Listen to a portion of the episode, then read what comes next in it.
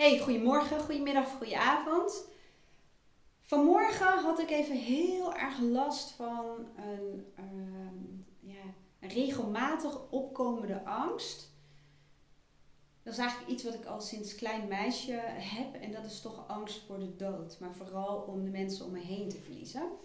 En ehm, ik moet zeggen dat in de loop der jaren, ik denk, ja, moet ik even denken, ik denk een jaar of zeven, acht jaar geleden heb ik dingen gedaan waardoor die angst die mij echt elke dag belemmerde in mijn uh, geluk en soms zelfs ook in mijn functioneren, omdat, um, omdat het mij beperkte om vrij te kunnen creëren, om het zo te zeggen.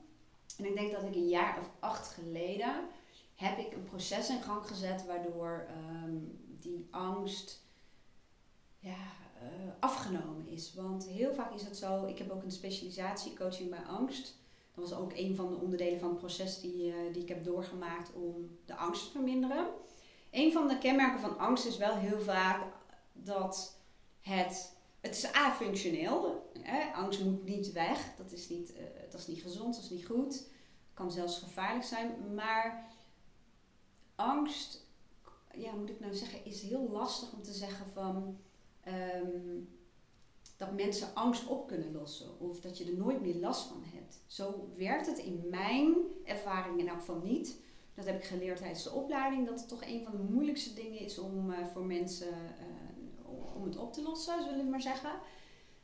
Maar uh, ook in mijn eigen ervaring, jou helemaal afhelpen van angst, dat zou ik ook nooit beloven. Wat ik meestal eerder doe, is dat we gaan schalen. Van, um, je hebt specifieke angsten, je hebt algemene angsten, daar ga ik nu even niet op in. Maar als je het een cijfer zou moeten geven op een, schaal van 0 tot en met 10, in hoeverre uh, belemmert dan het jouw geluksgevoel en het functioneren in jouw leven? Dus hoe groot is de impact van de angst? Vroeger zou ik echt een 8 of een 9 hebben gegeven. Ik zal daar zo meteen wel wat meer over vertellen. En ik mezelf gecoacht en ik ben ook zelf naar coaches gegaan. En uh, ik zal er nog wel meer vertellen dan wie en wat en hoe. Um, en toen was mijn doelstelling om in mijn dagelijks leven om dat cijfer terug te krijgen naar een 2 of een 3. Waarbij het prima is dat er af en toe een piek is, maar ik wil dan wel de tools hebben om die piek niet te lang te laten duren.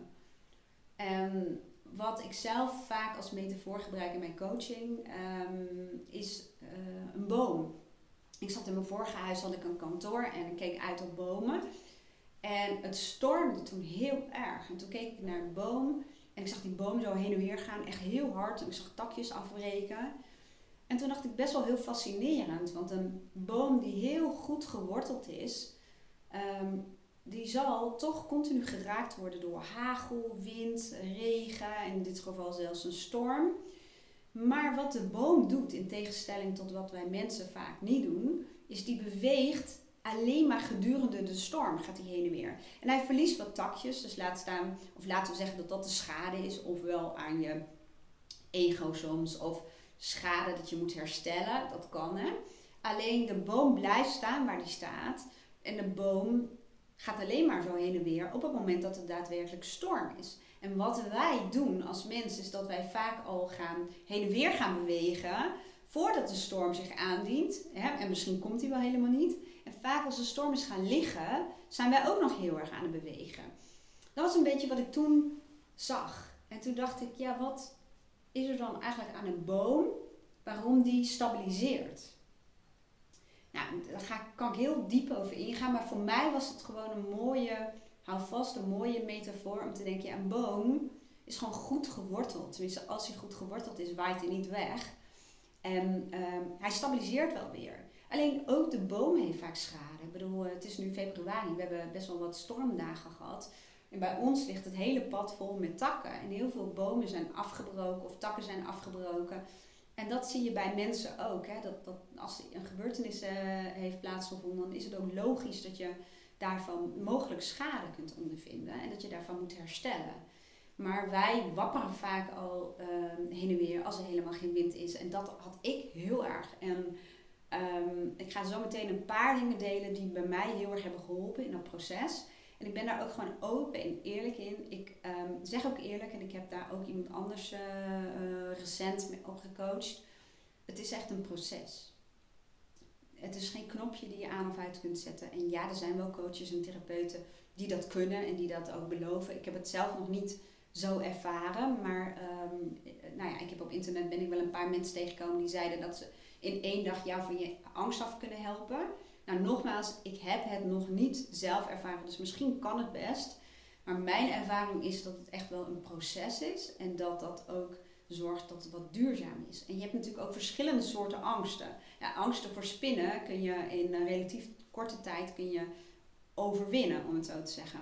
Maar de angst voor de dood of het verlies van dierbaren of een sociale fobie of uh, nou ja, noem het maar op. Heel vaak is dat een proces ook omdat daar verschillende uh, ja, moet ik zeggen, componenten aan vastzitten. Angst heeft namelijk een functie. En het kan je wat geven. Het kan je, angst kan ook zorgen dat je heel erg um, scherp blijft. Dat je heel erg um, bewust bent bij het maken van keuzes. Dat je heel erg dankbaar bent. Heel dankbaar. Je ziet heel veel mensen die bang zijn om dood te gaan of mensen te verliezen. Die hebben ook vaak dat ze heel erg dankbaar zijn. En heel erg waarderen wat er is. En ja, dat, dat is de andere kant eh, van de medaille om het zo te zeggen. Maar angst is ook heel vaak functioneel. Um, ik zal even teruggaan, want um, bij mij is mijn angst echt ontstaan in mijn vroegere uh, leven. En dat zal waarschijnlijk nog zijn ontstaan voordat dat ik een bewustzijn uh, had. want een echt bewustzijn krijgen we meestal pas na een jaar of zes, zeven. En daarvoor staat ons brein in een soort van download toestand. Dus dan, doe je eigenlijk een, dan maak je eigenlijk een blauwdruk op basis van alles wat je ervaart, alles wat tegen je wordt gezegd, alles wat je wordt geleerd. Dat is de blauwdruk voor je leven. Een soort programma wat, wat in de eerste jaren wordt opgebouwd. En pas vanaf een jaar zeven ga je bewustzijn creëren over dat programma. Um, dus ik kan niet exact zeggen uh, in, op welke leeftijd de angst bij mij um, ja, heel erg gegroeid is. Maar ik ga ook niet heel veel details geven natuurlijk over mijn ouders of de mensen die hier betrekking op hadden. Uit respect, uh, dat snap je.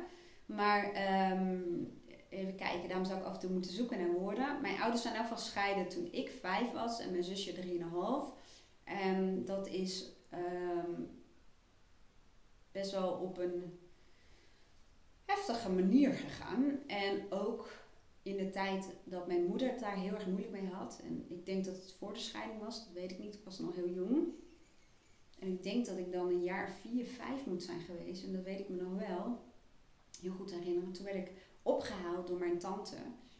Um, en een uh, bijzonder detail voor vandaag is ook dat zij vanmiddag wordt gecremeerd. Dus dit is voor mij een hele rare dag dat mijn tante heeft ons toen, mijn zusje en mij, opgehaald uit huis om ons te beschermen, om ons, om ons even in een stabiele omgeving te zetten. Maar dat was natuurlijk best wel raar, want um, ik, ik weet niet of ik mijn spullen moest pakken, geen idee, misschien was het wel gedaan. Maar in één keer zaten we in de auto onderweg naar Warnsveld, waar ze toen woonden. En ik weet ook niet hoe lang ik daar heb gezeten, weken, maanden, ik weet het niet. Uh, in elk geval een paar weken. En um, in één keer woonde ik daar. En ging ik daar naar school. En zat ik in een andere omgeving. Ik wist eigenlijk niet precies wat er nou gebeurd was. En hoe het met mijn moeder ging. En nou ja, dat heeft wel iets veroorzaakt. Hè? En um, de bedoeling was zeker goed. Dus we weten niet. Misschien was het alternatief wel veel erger geweest. Ik weet het niet.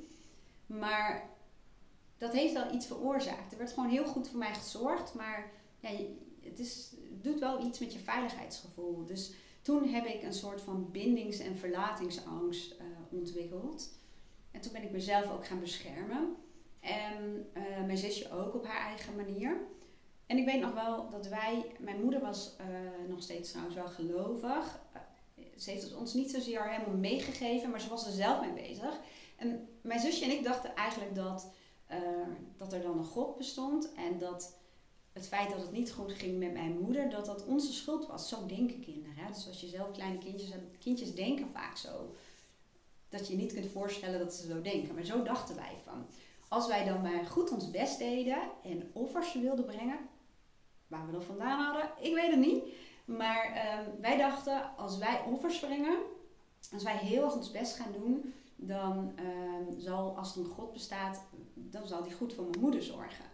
Dus wij hadden toen, en dat bedoelde ik met, met in een vorig filmpje over obsessief-compulsieve stoornis. Wij ontwikkelden toen, nu noemen ze de, in de psychologie noemen ze dat veiligheidsgedrag. Ehm, ja, moet ik zeggen, wij ontwikkelden dingen waarvan we dachten dat we controle hadden. En dat was, we hadden samen bedacht van wij moesten alles twee keer lezen. Als een soort straf. Wij, wij hadden het gevoel dat, dat, dat het onze schuld was. En dat wij dus, als wij onszelf maar straften, dat het goed zou gaan met mijn moeder. Echt, ik weet, als je dit luistert, denk je van, wow, waar gaat het over? Maar dit was gewoon zoals wij dat beleefden. En dat kunnen we misschien hebben opgedaan aan, aan de hand van een filmpje of ik weet het niet, of een boek. Of, nou ja, of over het geloof. Hè. Dan, in het geloof gaat het ook heel vaak over straffen en offers en dat soort dingen. Dus we hadden gezegd, als wij gewoon uh, op dagelijkse basis dat doen, dan hebben wij de controle en dan gaat het waarschijnlijk wel goed met mijn moeder. Dus wij moesten alles twee keer lezen. En zo zijn we uh, echt, ik denk wel tot de middelbare school, misschien wel zelfs in de middelbare school, nee, toen werd het al wel minder, hebben wij um, dus dagelijks alles twee keer moeten lezen. Kun je je voorstellen? Ik kan ook enorm snel lezen. Echt niet normaal hoe snel ik kan lezen. Dus dat is het goede nieuws ervan, om het zo te zeggen. En op een gegeven moment moesten wij ook uh, van onszelf, hè, want we wilden steeds meer controle. Dat is de pest met uh, dit gedrag, met zo'n obsessief-compulsieve stoornis, dat je steeds meer nodig hebt om hetzelfde gevoel van controle te krijgen. Plus, als je ouders blijven leven, want we waren ook gewoon bang dat ze dood zouden gaan, dan, um, en dat heeft dan weer vaak te maken met bepaalde traumatische gebeurtenissen die in je leven zijn gebeurd. Als het lukt, want ze leven nog, dan denk je dus dat het werkt en dat je het moet blijven doen. En dat je soms ook meer moet doen. Dus op een gegeven moment hadden we zelfs bedacht dat we bepaalde letters moesten we ook twee keer schrijven. Als ik dit vertel, denk je, die is echt gek. Maar het is eigenlijk ook een stoornis. Hè? Dus het is wel heel briljant dat mijn zusje en ik er op eigen kracht van af zijn gekomen. Dat zal ik zo meteen wel vertellen. Nou, en zo hadden we heel veel dingen, echt, echt krankzinnig veel dingen, die we moesten doen van onszelf om, om dat gevoel van controle gewoon te hebben. Echt gewoon verbazingwekkend hoe wij gewoon ook door school zijn gerold. Want wij hadden onze aandacht heel vaak op, nou ja, op, op dat. En op onze zorgen en op onze angsten. Dus het is echt gewoon inderdaad heel bijzonder hoe we onze school zijn doorgekomen. Ik denk wel dat, er, dat wij allebei heel erg een goed beeld hadden van hoe wij wilden zijn in ons leven en hoe wij later zouden willen zijn. En ik denk dat dat ons ook geloodst heeft door allerlei moeilijke uh, periodes en dat het ons gebracht heeft waar we nu zijn. Was allebei, want elke psycholoog uh, zou tegen ons zeggen, en dat is ook echt gezegd, van Jullie hadden echt een soort blauwdruk om bij wijze van spreken in de groot terecht te komen. Hè, of uh, om verslaafd te raken, of nou ja, whatever, is allemaal niet gebeurd. We hadden dus echt wel een kraakhelder beeld van hoe we wilden zijn en hoe we later wilden zijn en hoe we het zouden gaan doen. Dat, dat, dat was iets wat we allebei heel hadden. En daar hadden we ook heel vaak samen gesprekjes over. Um, maar we hebben allebei heel erg doodsangst ontwikkeld. En um, ja, bang voor het verlies van mensen en uh, onszelf. Nou, ik moet even denken. Um, we hebben dat echt jaren, jaren gehad. En we hebben elkaar op een gegeven moment, zou je kunnen zeggen, gecoacht om. Op een gegeven moment word je ouder als kind. En dan merk je dat wat we aan het doen waren, dat het toch eigenlijk wel een beetje gek was. Um, niet rationeel. Het woord rationeel zullen we niet gebruikt hebben, maar we snapten wel, dit is niet oké. Okay. Dit hebben we uh, ontwikkeld, en, um, maar het is niet logisch eigenlijk. Dus wij hebben elkaar toen uh, geholpen om het eerst minder te gaan doen. En toen wij merkten dat, uh, dat we niet meer alles twee keer gingen lezen en opschrijven, dat onze ouders gewoon nog bleven leven. Dus dat gaf ons houvast en vertrouwen om te zeggen: Oké, we gaan naar de volgende stap. Zo hebben we het echt met z'n tweeën gedaan. Dus uh, echt uh, eigenlijk wel grappig. Nou ja, misschien zou ik het niet grappig kunnen noemen, maar in elk geval dapper, kan ik dan denk ik wel zeggen. Dus met z'n tweeën hebben we dat gedaan. Um, en gingen we elke keer stappen zetten om onszelf te bevrijden van dat veiligheidsgedrag, zoals we dat dan uh, noemen. En je kunt je voorstellen dat daardoor veel meer energie vrij kwam. En dat we steeds meer gingen genieten. En dat we steeds meer aan het snappen waren dat wij niet verantwoordelijk waren voor het welzijn van, ehm, nou ja, van onze ouders, om het zo te zeggen.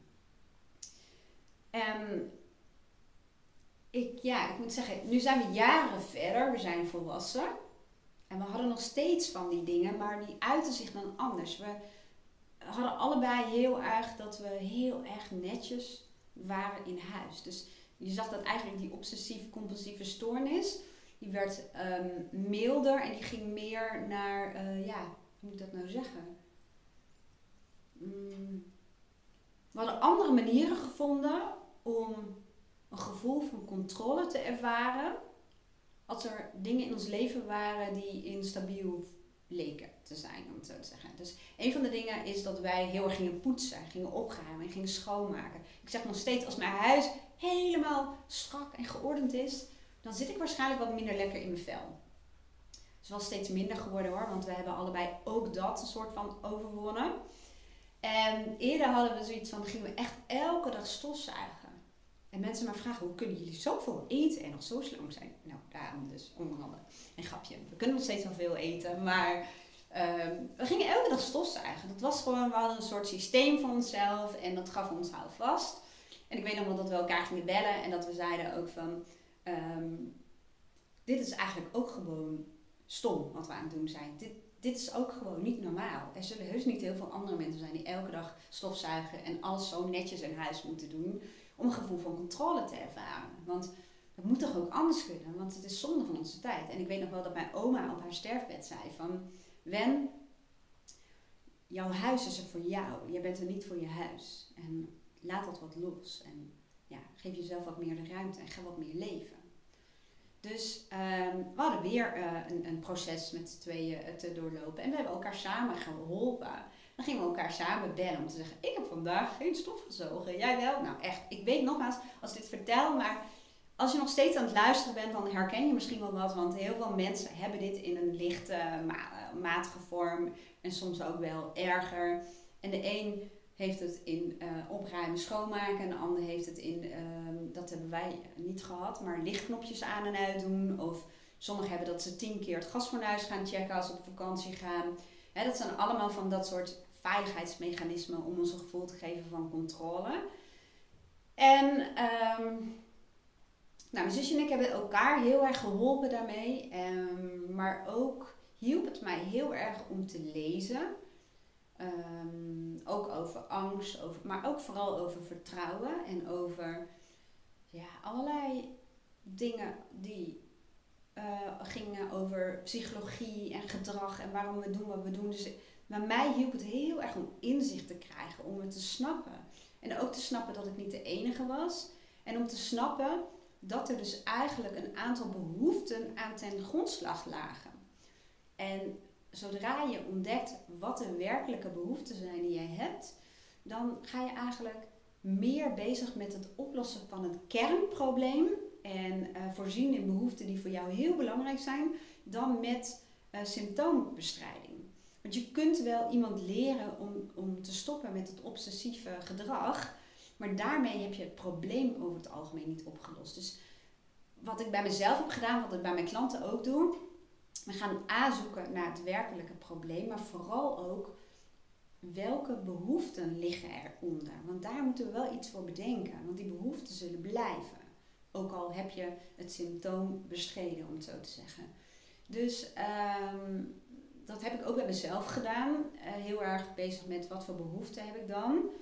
En dat gaat natuurlijk allemaal om vertrouwen uiteindelijk in de kern. En een goed gevoel over jezelf hebben. Um, ja, en om tools te ontwikkelen die jou datzelfde gevoel geven. Maar op een heel andere manier, op een constructieve manier. Op een manier waarop je gewoon door kunt gaan met je leven. Want al die beveiligingsmechanismen, die stagneren je. En als je daar heel erg serieus mee bezig bent, dan vraagt het natuurlijk heel veel tijd en energie. En het beperkt je in leven, het beperkt je in je geluk, het beperkt je in je functioneren. Want als je daar zo druk mee bent, ja, dan kun je niet druk zijn met de dingen die echt belangrijk voor je zijn. Dus uh, mijn angsten ehm, ik wilde zeggen aanpakken, maar dat is ook het foute woord. Ehm, het proces waarin mijn angst, angsten minder werden, zodanig dat ik die pieken die ik voel opkomen, dat ik die kan reduceren, dat het heel kort duurt. Dus de pieken bedoel ik mee eigenlijk op het moment dat het begint te wiebelen, maar dat er helemaal geen storm is. Ehm, dus het piekeren, dat, dat heb ik echt doorbroken. Ik, ik heb mezelf ja, allerlei tools aangeleerd en ik heb tools geleerd van andere mensen om dat weer terug te brengen en weer door te gaan. Dat is een onderdeel van mijn proces geweest, maar ook heel erg leren werken met je angsten. En dat doe ik vooral door voice dialogue, dus letterlijk en figuurlijk in gesprek gaan met je angsten, met die beveiligingsmechanismen, veiligheidsslag, hoe je het wil noemen. Om te kijken, wat is het mechanisme ervan? Wat zijn de behoeften? En wat is de functie van dat gedrag? Of wat is de functie van die gedachte? En om daar verder mee door te gaan, maar ook te verkennen welke kant heb ik nog meer in mezelf die mij kunnen helpen om weer meer vertrouwen te voelen of om door te gaan of om ook af te stemmen op ehm, mogelijke scenario's die wel gewenst zijn. En ook om terug te kijken naar het verleden en, en ehm, ook heel erg bezig te gaan met ehm, ja, welke dingen heb ik me nog meer zorgen over gemaakt en die zijn gewoon goed gegaan. Wat ook heel veel voor mij heeft betekend is rationeel-emotieve training. Dat is een cognitieve uh, therapie. Uh, de T staat voor training van RED, maar ook voor therapie. Ik gebruik training, want ik ben een coach, ik ben geen therapeut. Ik gebruik namelijk RED ook heel erg veel in mijn coaching. RED is eigenlijk um, leren onderzoeken wat jouw irrationele gedachten zijn. Want um, de wijze hoe je naar iets kijkt, of je gedachten over een bepaalde situatie, die zorgen ervoor dat je bepaalde gevoelens en emoties ervaart. Dus als je je zorggedachten hebt en dat je gedachten heel erg gericht zijn op alles wat mis kan gaan, dan um, vertaalt zich dat in bepaalde gevoelens en emoties zoals angst, uh, instabiliteit. Ja, instabiliteit is niet per se natuurlijk een emotie, maar je voelt je wat onzeker. Um, en je emoties hebben weer invloed op jouw gedrag. Dus hoe handel je vanuit angst? Hè? Dus, um, en je gedrag heeft weer invloed op de gevolgen, dus de resultaten. Dus als je uh, je heel angstig gedraagt en je neemt vanuit dat perspectief beslissingen, dan kun je je wel voorstellen hoe je resultaten eruit zien. En RED uh, helpt jou om je irrationele gedachten te onderzoeken en om er meer helpende gedachten voor in de plaats te zetten. En niet helemaal perfect goede gedachten of helemaal rationele gedachten, maar wel gedachten die jou al helpen om um, ja, om dat patroon te doorbreken. En dan merk je, als je bijvoorbeeld niet alleen maar open staat voor de erge scenario's die op dat moment zouden kunnen gebeuren, maar ook de ruimte geeft aan alle mogelijke uh, neutrale scenario's of goede scenario's, dan merk je al dat het inderdaad wat neutraliseert. En dat je gevoelens en je emoties ook wat milder worden. En dan merk je ook dat je gedrag anders is en dat de resultaten, de gevolgen daarvan ook weer beter zijn. Dus Red, rationeel emotieve training, is voor mij ook een heel groot onderdeel geweest uh, van mijn angst, uh, van mijn proces om mijn angst te verminderen. En tot slot, um, ook door ja, ook heel erg bezig te gaan met als ik mijn angsten kan ja, moet samenvatten in één woord, dan is het toch wel doodsangst, angst voor verlies. En ik merkte, ik ben heel erg rationeel, feitelijk opgevoed, wetenschappelijk ook. Dus alles moest, uh, moest ik feitelijk kunnen beargumenteren. En alles moest meetbaar zijn, om het zo te zeggen. Want anders was het eigenlijk gewoon een losse mening die geen enkele, um, nou, hoe zo, die had gewoon, je moet het nou zeggen, uh, een mening telde alleen maar als het ook feitelijk um, nou, te meten was of tastbaar was. En in, god, wanneer was het? Ik denk in, jeetje, moet ik van jaartal eraan hangen? Dat vind ik nog wel lastig. Maar ja, ik denk tussen 2007 en 2010 ongeveer kwam ik met een boek in aanraking uh, van Deepak Chopra, Het geluk in jezelf. En ik vond dat toen een hele suffe titel, maar ik werd er toch uh, door aangetrokken. En ik ben dat gaan lezen en dat ging heel erg over uh, natuurwetten de wet van de aantrekkingskracht.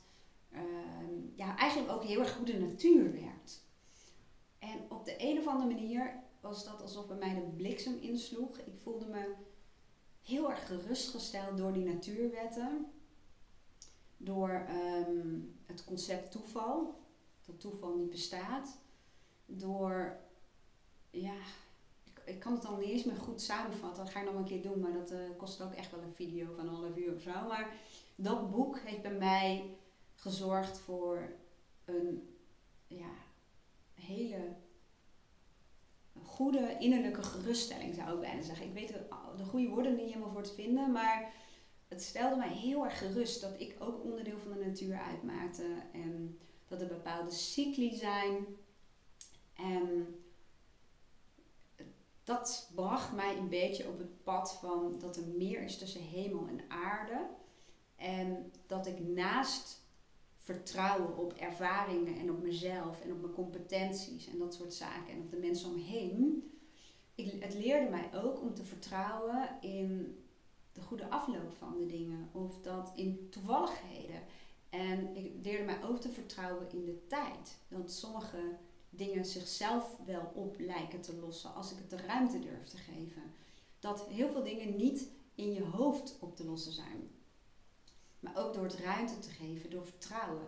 Nou, dat boek heeft echt enorm veel bij mij in gang gezet. En ehm, ik ben me nu steeds verder gaan verdiepen in het onderwerp. En dat vond ik heel lastig, want ik associeerde, uh, ik noem het spiritualiteit, altijd heel met zweverig en ja, ja met zwak, met uh, gek, met van alles. Ik had echt een bepaalde associatie erbij. Dus het toegeven dat ik toch wel voelde dat er meer was tussen hemel en aarde, maar dat ik dat concept nog helemaal niet kon begrijpen. En dat ik toch heel erg behoefte had aan iets om in te geloven. En ik zeg bij mijn geval ook vaak, ik, ik kan ook niet zeggen, is het nou geloven of is het de wil om te geloven? Want dat kan ook, hè? want ik weet het niet. Ik, ik, ik sta open voor heel veel dingen en simpelweg omdat ik het niet weet. Er is voor mij niet een waarheid als het gaat om geloof. En er zijn wel een aantal waarheden die ik echt zo voel. Uh, bijvoorbeeld uh, telepathie, omdat ik dat gewoon heel erg vaak meemaak. Maar een echte waarheid zoals sommige mensen dat hebben, van dat ze daarin geloven en dat is zo, want dat heb ik niet. Maar wel dat ik steeds meer het gevoel kreeg dat er meer was waar ik op mocht vertrouwen. En uh, dat er heel vaak hulp kwam die ik niet kon bedenken. En dat het leek alsof het een soort van georchestreerd. Ik kan het woord misschien niet eens uitspreken, maar je snapt wat ik bedoel. Hè? Dat het ja, voor me geregeld werd of zo. Of dat het toch opgelost werd. Of iemand kwam op mijn pad. Of er kwam een oplossing. En dat gevoel, dat heeft mij ook heel veel gebracht in mijn proces om mijn angst te verminderen. En ook nog een praktisch pragmatisch uh, ding is eigenlijk mindset. Om continu bezig te zijn met, ehm, maar wat wil ik dan wel? als ik me niet goed voel, angstig voel, hoe wil ik me dan wel voelen? Hoe ziet het eruit als ik me zo voel? Wat doe ik dan als ik me zo zou voelen? Dus heel erg bezig met mijn mind, mijn hersenen programmeren. Ehm, ook dat heeft weer te maken met de wet van aantrekkingskracht. Hè, want eh, je trekt eigenlijk dingen aan op basis van hoe je je voelt. Het gelijke trekt het gelijke aan. Net als dat je, als jij helemaal vrolijk en enthousiast bent, zul je ook merken dat de mensen om je heen ook heel vrolijk en enthousiast op jou reageren. Uh, en dat je ook vaak allerlei kansen ziet en dat heel veel dingen goed gaan. Nou, weet je dat idee? Um, dus eigenlijk de wet van de aantrekkingskracht, die heeft mij heel erg geholpen in mijn proces om mijn angst uh, te verminderen. En nog steeds, het is nog steeds mijn thema. Heel veel mensen hebben gewoon een eigen thema. Bij de een is dat um, twijfel aan zichzelf. Bij de ander is dat um, dat ze het moeilijk vinden om met andere mensen om te gaan. Of dat ze um, onzeker zijn. Ja, want er zijn natuurlijk zo ongelooflijk veel thema's. Thema's zijn ook dat mensen heel erg geneigd zijn om bezig te zijn met wat de ander van ze wil en wat de ander vindt. En heel erg aan het pleasen zijn. En heel erg bezig zijn met de behoeften van een ander en eigenlijk die van zichzelf niet goed kennen. Dat kan ook echt een levensthema zijn. En dat wil niet zeggen een heel leven, maar het kan best wel zijn dat het continu als een soort rode draad weer terugkomt. En bij mij is dat gewoon mijn angst. En Ja, en dat, ik ben nu 44 en ik had het als klein meisje al. En het is echt absoluut niet meer vergelijkbaar met wat het ooit was. Ehm, maar ik merk wel dat bepaalde gebeurtenissen, die triggeren dat gevoel. Alleen het is nu anders dan dat het was. Omdat ik weet dat angst ook een functie heeft. Angst zorgt er ook voor dat ik elke dag gewoon dankbaar ben dat ik leef. En elke dag dankbaar ben voor de mensen om me heen. En elke dag dankbaar ben voor een nieuwe dag. En dat zorgt ervoor dat ik niet heel erg veel tijd verspeel aan mensen of dingen of situaties die niet bijdragen aan dat wat ik belangrijk vind. Omdat ik weet ook dat het leven kwetsbaar is. En dat het leven, ehm, nou ja, het is niet gezegd dat je heel oud wordt. Ik hoop het natuurlijk wel. Maar ik heb eigenlijk ook geleerd om dankbaar te zijn voor uh, mijn angst, voor wat het brengt. Maar ik heb geleerd om dingen niet meer alleen maar vanuit angst te beschouwen, maar om ook vertrouwen toe te laten. En dan duw je als het ware je angst niet weg. Je gaat het niet onderdrukken of je probeert er niet voor weg te rennen. Het mag er zijn.